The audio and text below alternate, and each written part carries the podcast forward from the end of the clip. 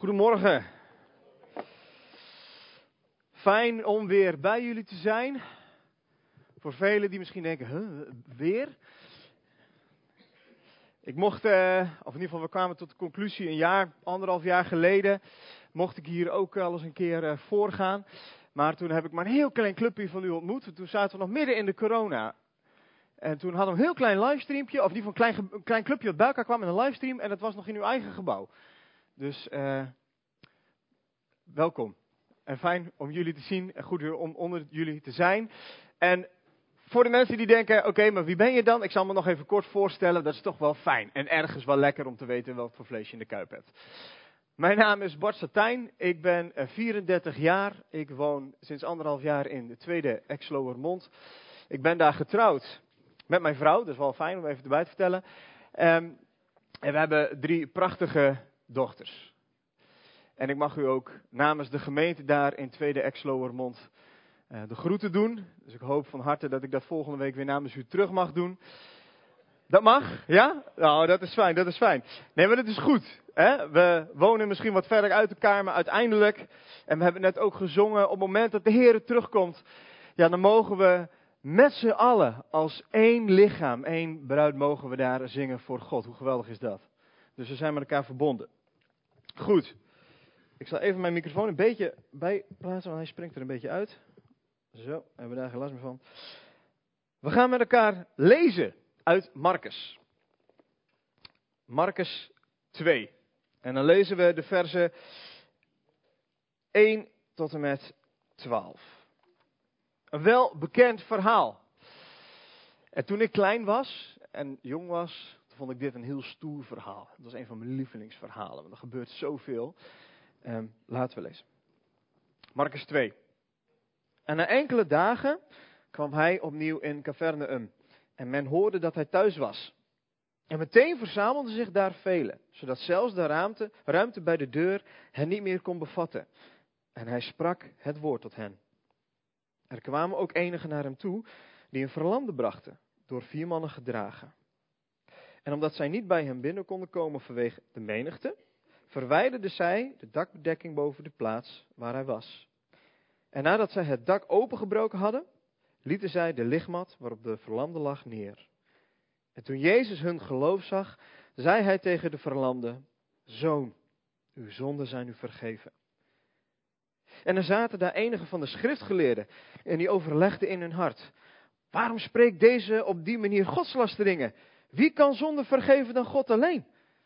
En Jezus, die meteen in zijn geest onderkende dat zij zo bij zichzelf overlegden, zei tegen hen: Waarom overlegt u deze dingen in uw hart? Wat is gemakkelijker? Tegen een verlamde te zeggen: De zonden zijn u vergeven, of te zeggen: Sta op, neem uw lichtmat op en ga lopen. Maar opdat u zult weten dat de zoon des mensen macht heeft op de aarde zonde te vergeven, zei hij tegen de verlamde: Ik zeg u, sta op. Neem uw lichtmat op en ga naar huis. En hij stond meteen op. En nadat hij de lichtmat opgenomen had, ging hij voor het oog van allen naar buiten, zodat zij allen buiten zichzelf waren en God verheerlijkten en zeiden, we hebben nog nooit zoiets gezien. Toen ik dus jong was, op zich ben ik nog steeds redelijk jong, gelukkig, um, maar toen vond ik dit een heel vet verhaal. Ik vond het ook een beetje een raar verhaal. Waarom vond ik het nou een raar verhaal? We deden alsof het maar zo normaal was. Je hebt een huis. En als je een klein beetje die huisjes in die tijd kent. Dan waren dat huisjes van leem, van steen, houten balken die ervoor zorgden dat zo'n huis kon blijven staan. En vaak hadden ze een klein trappetje waarmee je op het dak kon komen. Dat gebeurde dan van alles, daar deden ze, lieten ze nog wel eens dingen drogen. En, en, en voor de deur was een soort voorportaal. Maar daar was het dus hartstikke druk.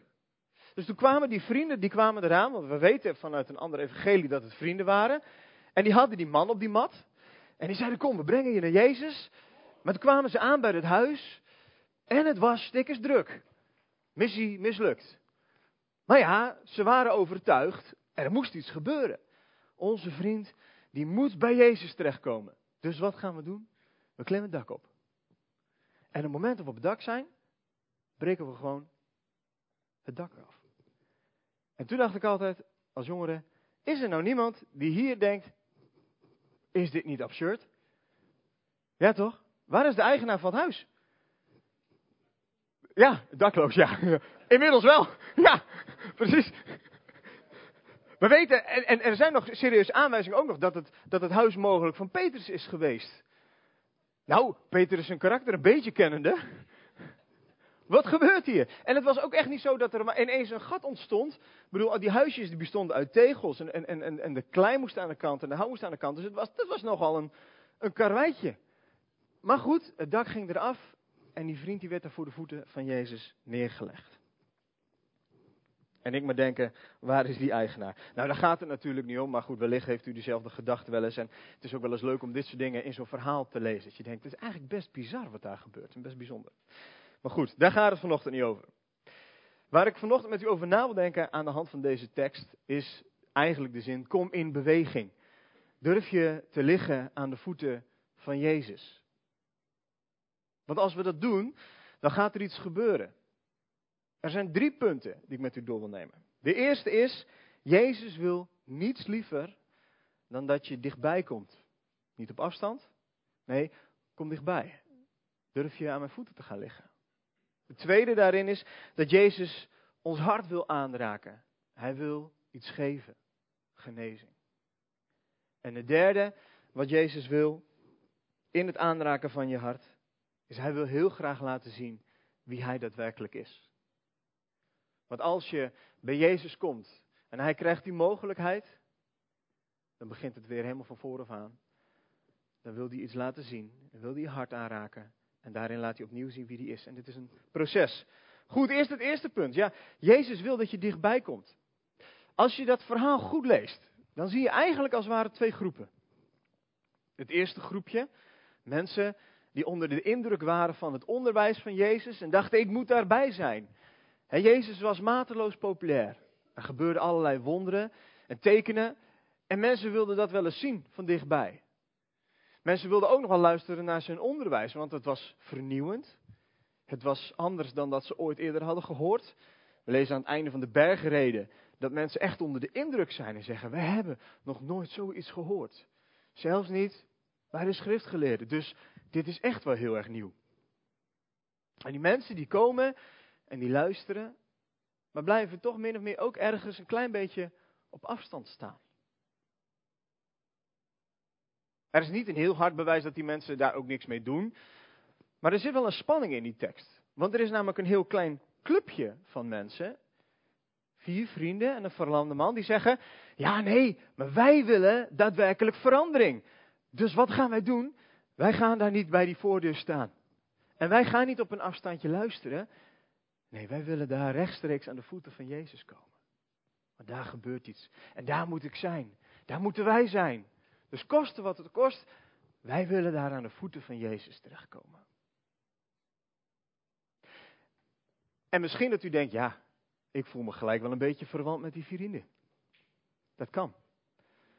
Maar soms is het ook best wel eens goed, misschien een beetje geniepig, om een spiegel voor te houden en te beseffen ja, ondanks dat ik misschien al wel jaren naar de kerk ga, en ondanks dat ik al jaren met de Heer wandel, lijk ik ook wel een klein beetje op die menigte. Blijf ik een klein beetje op afstand. Ja, natuurlijk. Het samen zingen in de armen van liefde liggen, in de armen van Jezus liggen, dat willen we allemaal. Wie niet? Dat is goed, ik ook.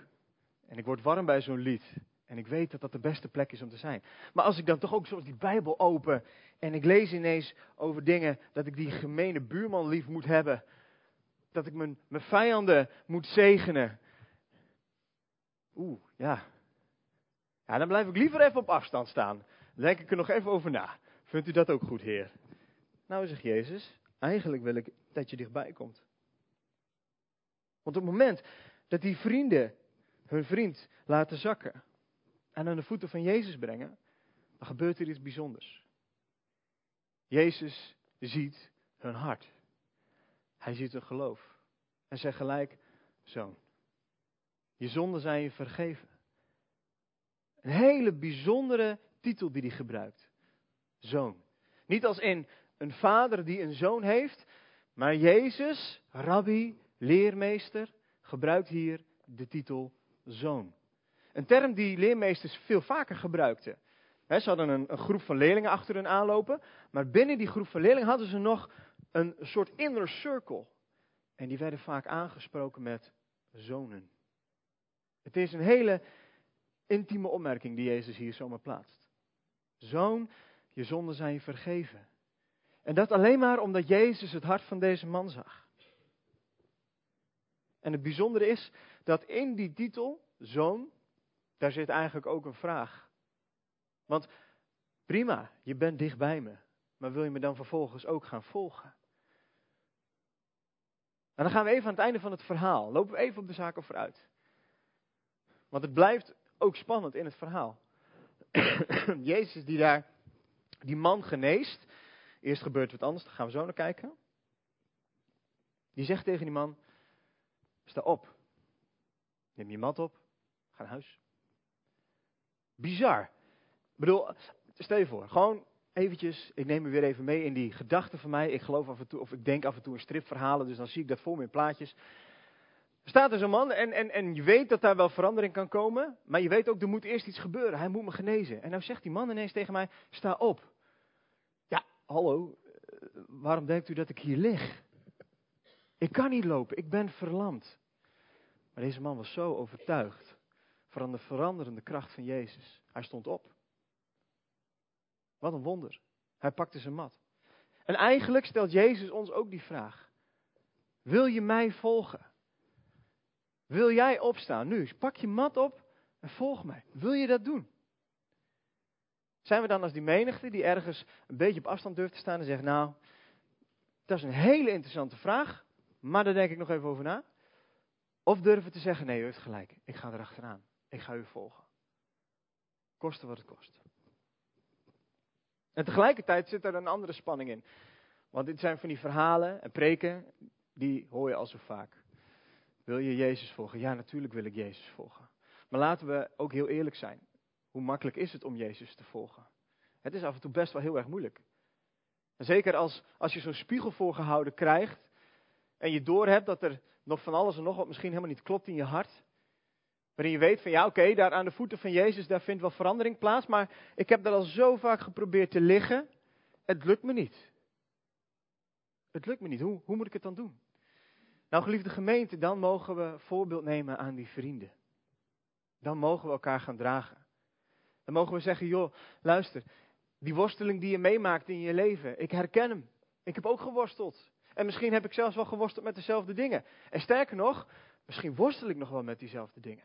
Maar toch geloof ik dat het goed is dat je aan het voet van het kruis terechtkomt. Dus weet je wat je doet? Ga maar liggen. Ik ga je dragen. Gaan we samen naar het kruis. Ik heb ooit het boekje Ooit Evangelisch moeten lezen. Een onderzoek van Miranda Klaver eh, en Otto de Bruyne over kerkverlaters. Een heel heftig boekje is dat. Met allemaal citaten uit het onderzoek van hun. Waarom mensen uiteindelijk ja, de kerk verlaten en, en, en, en daarin ook durven toe te geven dat ze gefrustreerd zijn. En dan zie je één ding heel duidelijk terugkomen. Dan zeggen ze, ja, ik zat in een gemeenschap. Die zei dat we één waren.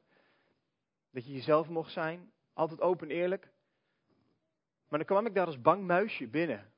En dan vertelde ik daar, joh luister, ik worstel met dingen in mijn leven. Ik kijk nog steeds naar dingen op internet die niet goed zijn. Ik, ik, ik worstel nog steeds met een negatief zelfbeeld. En ik heb al zo vaak gebeden en ik heb al zo vaak gevraagd, Heer, verander het. Maar ik worstel er nog steeds mee.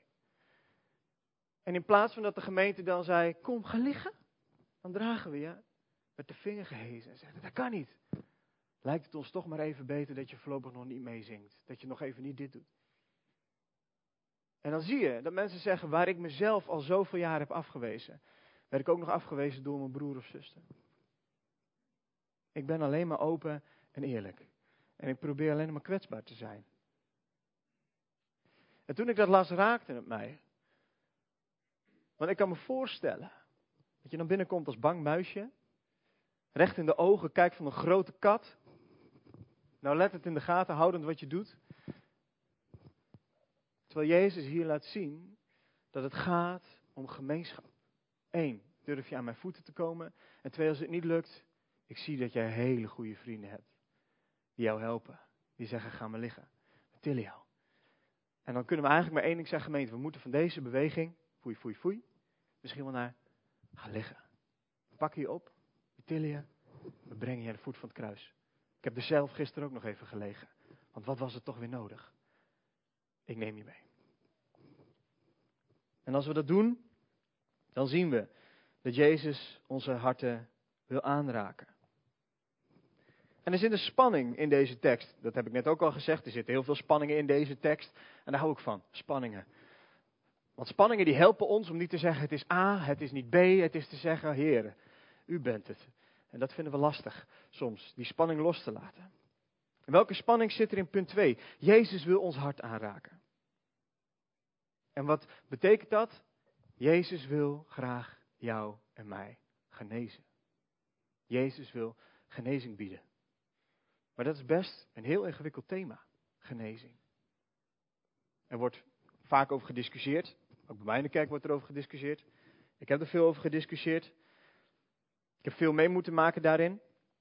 Maar toch zie je in dit verhaal dat Jezus niets liever wil dan jou genezen. En ergens moeten we onderscheid maken in welke genezing dat dan daadwerkelijk is. De man wordt neergelegd. Komt daar vanaf het dak. Rustig, aan de voeten van Jezus. en dan zegt Jezus, zoon, uw zonden zijn u vergeven. Misschien had, als ik erbij had gestaan, wel gedacht, ja, net als die schriftgeleerde, dat is mooi.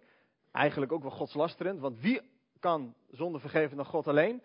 En Jezus, als u goed had gezien, dan had u gezien dat hij daar had gelegen, dat hij verlamd was en dat hij eigenlijk een andere genezing misschien eerst wel nodig heeft. Zo denken we misschien af en toe ook wel in de kerk. We hebben af en toe die fysieke genezing nodig. En dan strekken we ons daarna uit, vol verlangen. En geloof me, dat is goed. Mag dat? Jazeker. Bid voor elkaar. Bid voor elkaar, volhard daar ook in, in, in als iemand ziek is. Bid voor genezing. Maar Jezus laat hier zien dat de genezing die hij in eerste instantie wil brengen, geen fysieke genezing is. Hij wil ons hart genezen. Want die man die had niet alleen twee verlamde benen, hij had een verlamd hart. En dat verlamde hart bracht hem veel meer problemen dan zijn verlamde benen. Ik sprak daarover met een vriend van mij. En die zei, ja, maar Jesaja 53, de welbekende tekst, waarin we leven, lezen dat Jezus, hè, dat hij in zijn lichaam, en door zijn striemen dat we daarin zijn genezen, zei hij, ja, dus wij zijn toch genezen? Dat lees je daar toch? En, en die genezing die Jezus wil geven, geestelijk, gaat toch veel verder. Dat is dus ook toch altijd per definitie dan lichamelijk. Ik wil u meenemen in 1 Petrus 2, vers 24. Waarin we lezen. Hij die zelf onze zonde in zijn lichaam gedragen heeft op het hout. Opdat wij voor de zonde dood, maar voor de gerechtigheid zouden leven. Want, en dan citeert Petrus daar Jesaja 53. Door zijn striemen bent u genezen. Want u was als dwalende schapen, maar u bent nu bekeerd tot de herder en opziener van uw zielen. De genezing die Jezus ten alle tijden, hoe dan ook wil geven, is de genezing van ons hart, ons verlamde hart. De gevolgen van de zonde, die ons eeuwig en altijd bij Hem vandaan zouden houden en, en, en, en eeuwig en altijd gescheiden van Hem zouden doen leven. En Jezus zegt, ik wil jouw hart veranderen, ik wil jouw hart genezen, want ik wil je voor eeuwig en altijd bij me hebben. Daar gaat het hier in eerste instantie over. Maar daarnaast, neem het van me aan, mogen we altijd vrijmoedig bidden voor genezingen. Want ze gebeuren. Ik heb ze gezien. Ik heb hele bijzondere dingen gezien. Mensen die in eerste instantie misschien niet gelijk de genezing mochten ontvangen, later wel. Waarvan artsen echt hebben gezegd: dit is een wonder, ik weet het niet. Maar tegelijkertijd, en dan ben ik heel eerlijk met u, ondervind ik het in mijn eigen lichaam dat het niet zo is. Moet ik de rest van mijn leven leven met een stofwisselingsziekte die ik ook gewoon aan mijn dochter heb doorgegeven? Elke week een paar nierstenen moet lozen. Als ze wat waard waren, dan had ik een goede spaarpot gehad, kan ik u vertellen. En ik ben ervoor naar gebedsdiensten geweest. Er is voor gebeden. Er zijn handen opgelegd. Maar ik ben niet genezen. Wees niet bang. Er zijn altijd een paar mensen die dan aan het einde van de dienst bij me willen komen vragen of het alsnog mag. Het hoeft niet. Waarom? Omdat de Heer mijn hart heeft genezen. En laten zien dat ik me ook niet altijd hoef te focussen op lichamelijke genezing. Hier op aarde hebben we te dealen met het lijden. Het lijden wat er is, juist ook nog door die zonde. En daarom is het zo belangrijk, lieve gemeente, dat we goed nadenken over een goede visie op genezing, maar ook over ziekte. Als we het niet hebben. En we gaan mee in een stroming die je tegenwoordig veel meer ziet, waarin Jezus als het ware uit de hemel wordt getrokken, voor ons karretje, karretje wordt gespannen. Of waarin we de Heilige Geest gaan misbruiken, waar niet wij meer de hamer en, en, en de sikkel zijn, maar waarin Hij het voor ons gaat doen. Dan krijg je uiteindelijk een theologie waarvan ik bang ben dat je pastorale brokken gaat maken omdat het niet altijd gebeurt. Er zijn wonderen, maar het gebeurt niet altijd. Oké, prima, genezing en ons hart genezen. En toen was ik hiermee bezig en toen dacht ik, ja, weet je, dat is allemaal wel leuk. Maar dit weten ze allemaal wel in Appingedam, dat de Heer Jezus je hart wil aanraken en dat je dan eeuwig leven krijgt. Dat weten ze wel. Waarom zouden ze dat nog een keer van mij moeten horen? Er zit nog een heel klein groepje toe te kijken. En daar zit iets spannends in. Komt ie, weer een spanning. Ja, die schriftgeleerden, die kijken toe. Ze morren. Wie is deze man? Die denkt zonde te kunnen vergeven. Wie kan dat? Dan God alleen. Dit is toch bizar? Wie denkt hij wel niet wie die is? En Jezus zag het hart van die vrienden. En nu ziet hij ook het hart van die fariseeërs. Er staat niet, hij hoort ze. Hij doorziet hun harten. Hij zegt, joh, waarom overleg je dit? Waar gaat dit over? En die vinger van de gemeente, denk nog even terug aan het eerste punt. Die vinger van de gemeente zit hier ook in. Want ze veroordelen.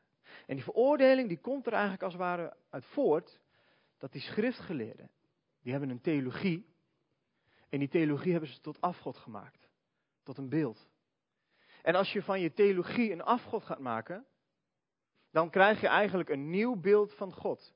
Een beeld wat wij, u, jij en ik maken van God. Maar dat beeld is altijd een platgeslagen beeld. Want wat wij en hoe wij ook geloven hoe God is, geloof me, Hij is nog veel groter. En nog veel beter. Nog genadevoller, nog liefdevoller. Dat kunnen we hier op aarde niet beseffen. En toch maken we allemaal stiekem misschien wel af en toe zo'n beeldje. En als we daar bewust van zijn, dan helpt het ons om die beeldjes ook weer neer te leggen. Maar die schriftgeleerden die hadden een afgod gemaakt van God. Van een theologie. En die had dat in handen genomen. En het bracht hen uiteindelijk niet verder. Het zorgde ervoor dat Jezus niet meer kon doorwerken in hun harten. Dat die woorden van Jezus niet meer hier konden landen. Hun kon veranderen. En misschien zijn zij wel degene in dit verhaal die ook genezing nodig hebben. En misschien nog wel veel harder. Wie weet. Ik moest ook even denken aan theologie als afgod. We hadden het net over genezing. Kan een theologie zijn, kan een afgod worden. Als je denkt dat God nooit geneest of altijd geneest en je daar alleen maar aan vast kan houden, is het een afgod. Ik had ook zo'n afgod. Ik heb jarenlang gedacht dat ik wel even wist te berekenen hoe de Heer terug zou komen, wanneer hij terug zou komen. Het werd mijn afgod. En iedereen die er wat anders over zei, dat was bij mij een dwaalleraar. Tja, het werd een afgod. En die afgod die zorgt ervoor dat we eigenlijk als ware die bewogenheid van Jezus die je hier terugziet in het verhaal, die missen we. Maar wat Jezus doet, is die ziet het hart. En we zien meerdere keren als Jezus bewogen wordt, dat het Griekse woord splagizomai daar staat. Dat betekent uiteengetrokken worden. Dat gebeurt hier, niet in het hart, dat denken we, maar hier. Die ingewanden. Je voelt hem hier eigenlijk als ware die pijn. En die, Jezus wordt uiteengetrokken om datgene wat hij ziet. Dat is de bewogenheid van Jezus. Maar als wij met zo'n theologisch afgodenbeeldje rondlopen, wij denken dit is de Heer, dan missen wij die bewogenheid van Jezus. En als je dat hebt, en ergens misschien erkent, of misschien, dan ga ik hem heel spannend maken, spanning 4, bij mij nu wel hebt, oh, durf dan misschien eens te kijken wat je in handen hebt. En misschien moet je dan wel zeggen, ik ga maar weer even terug. Ik leg het weer even neer. Here, beweeg mij. Raak mijn hart aan. Geef mij uw bewogenheid. Laat me die ander weer zien door uw ogen. En natuurlijk mogen we kritisch naar elkaar zijn, daar is helemaal niks mis mee. Maar het moet niet zo zijn dat we elkaar gelijk voor het schafot brengen. Bij het minste of geringste. Jezus wil namelijk laten zien daarin wie die is. Aan ons allemaal. Want als we die beeldjes loslaten en we knielen. Zegt hij, heb je door wie daadwerkelijk voor je zit? Heb je door wie ik daadwerkelijk ben? Het was de grote vraag van de schriftgeleerden. Wie is die? Wie is die man die denkt zonde te kunnen vergeven? Oké, hij zegt misschien hier en daar tussen de regels door dat hij Messias is. Oké, dan gaan we checken. De Messias kan genezen. Dat hebben we gezien. Check. De Messias mag demonen uitdrijven. Oké, dat hebben we bij Jezus gezien. Check. Maar ze waren heilig overtuigd dat het vergeven van zonde maar aan één iemand was toebesteed. En wie was dat? God zelf. En Jezus doet hier dus iets heel bijzonders. En dat doet hij in de term zoon des mensen. De mensenzoon. Namelijk, wat zegt hij hier? Ze hadden hier, of althans bij de schriftgeleerden zeker, want die kennen de schrift natuurlijk enorm goed. Die hadden hier gelijk moeten denken, Daniel 7, vers 13. Wacht even, daar wordt diezelfde titel gebruikt. Ik keek toe in de nachtvisioenen en zie, er kwam met de wolken van de hemel iemand als een mensenzoon. Hij kwam tot de oude van dagen en men deed voor hem zijn aangezicht naar de bijkomen. Hem werd gegeven heerschappij, eer, koningschap en alle volken, natie en talen moesten hem vereren. Zijn heerschappij is een eeuwige heerschappij die hem niet ontnomen zal worden. En zijn koningschap zal niet te gronden gaan. Is dit dan daadwerkelijk degene waar wij zo lang op hebben gewacht? En die woorden die Jezus gebruikt gaan nog veel verder terug. Want ze doen ook aanspraak op de belofte die wordt gedaan in Genesis. Waarin wordt gesproken over het zaad van de vrouw die de slang zal vermorselen. En daar was in die traditie een hele heftige visie op. Dat was aan één iemand besteed. God zelf zal dat gaan doen. Jezus presenteert zich hier gewoon als God. Ik ben de Messias. Ik ben God. Ik ben de redder. Ik ben het die jullie lang verwacht. En dat is heel belangrijk. Maar ze zien het niet, omdat ze een afgodenbeeld in handen hebben. Het past niet in hun plaatje. Nou, waarom is het dan voor ons zo belangrijk om het te beseffen? Uiteindelijk, als wij doorhebben dat Jezus God is, en dat Jezus van ons vraagt om aan zijn voeten te knielen, dan moeten we Psalm 51 ook in gedachten nemen. Dat is de laatste tekst die ik met u lees. Daarin zien we dat David zegt, wees mij genadig, o God, overeenkomstig uw goede tierenheid. Delg mijn overtredingen uit, overeenkomstig uw grote barmhartigheid. Was mij schoon van mijn ongerechtigheid en reinig mij van mijn zonde. Want ik ken mijn overtredingen. Mijn zonden staan mij voortdurend voor ogen. En dan komt hij in vers 6. Tegen u en u alleen heb ik gezondigd. Ik heb gedaan wat kwaad is in uw ogen zonde die we doen, en tegen elkaar doen, willen we nog wel eens vergeven met het spijt me wat ik jou heb aangedaan. Maar als we kijken naar de Bijbelse visie op zonde doen, dan zien we dat we de zonde God aandoen. En waarom is dat voor ons zo belangrijk om dat te beseffen? Niet om u even een lekker schuldgevoel te geven. Nee, zeker niet. Dat is zeker niet mijn intentie. Er is genade voor ieder die knielt en, en berouw daarover heeft. Maar het maakt ons allemaal weer gelijk. Denkend aan het eerste punt. Denkend aan die fariseeërs die zichzelf beter hadden en voor ogen hadden dan, dan, dan het normale volk. Als wij zondigen en we zondigen voor God, dan is er maar één manier om allemaal vergeving te krijgen. En dat is daar aan de voet van het kruis. En dat zorgt ervoor dat er een totale reset is van status. U, jij, ik, de baas, de slaaf, de jood, de Griek, man, vrouw, noem het allemaal op, zegt Paulus. We zijn allemaal gelijk. Het is allemaal weer gelijk.